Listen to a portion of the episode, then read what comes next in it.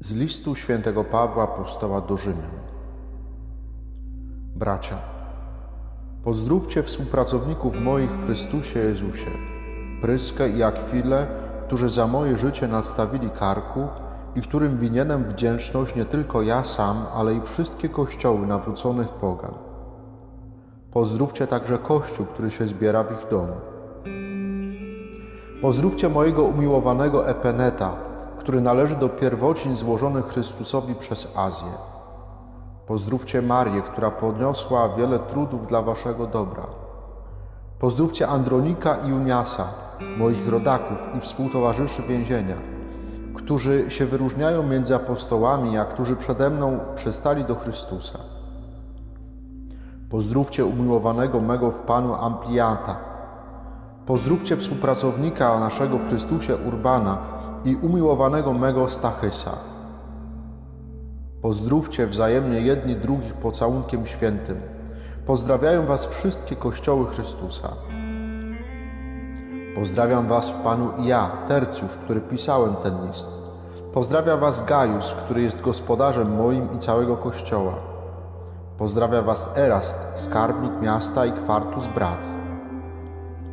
Temu, który ma moc utwierdzić Was zgodnie z Ewangelią i moim głoszeniem Jezusa Chrystusa, zgodnie z objawioną tajemnicą dla dawnych wieków ukrytą, teraz jednak ujawnioną, a przez pisma prorockie na rozkaz odwiecznego Boga wszystkim narodom obwieszczoną dla skłonienia ich do posłuszeństwa wierze, Bogu, który jedynie jest mądry, przez Jezusa Chrystusa niech będzie chwała na wieki wieków. Amen. W liturgii czytamy dzisiaj zakończenie listu do Rzymian. Sporo nic mówiących większości z nas imion osób, które apostoł wymienia i pozdrawia na końcu swojego listu. O niektórych z tych postaci dowiadujemy się co nieco z innych miejsc Nowego Testamentu. Informacje o innych zniknęły w cieniu historii i pozostaną dla nas na zawsze zagadką. To, co jednak porusza w tym tekście, to fakt, iż świętego Pawła z każdą z tych postaci coś łączyło, coś wspólnie przeżyli, byli w jakiejś głębszej relacji.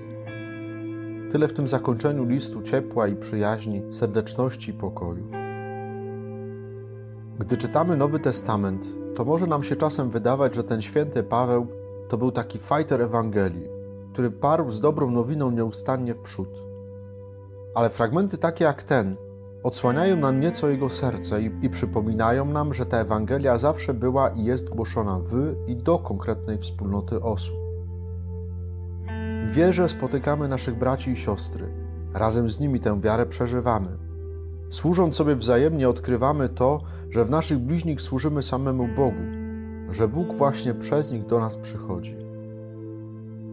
Niech to dzisiejsze słowo będzie dla nas zaproszeniem do spotkania z naszymi bliskimi czy przyjaciółmi bądźmy razem ze sobą, a pośród nas niech będzie Pan Jezus, bo tak żyje Kościół.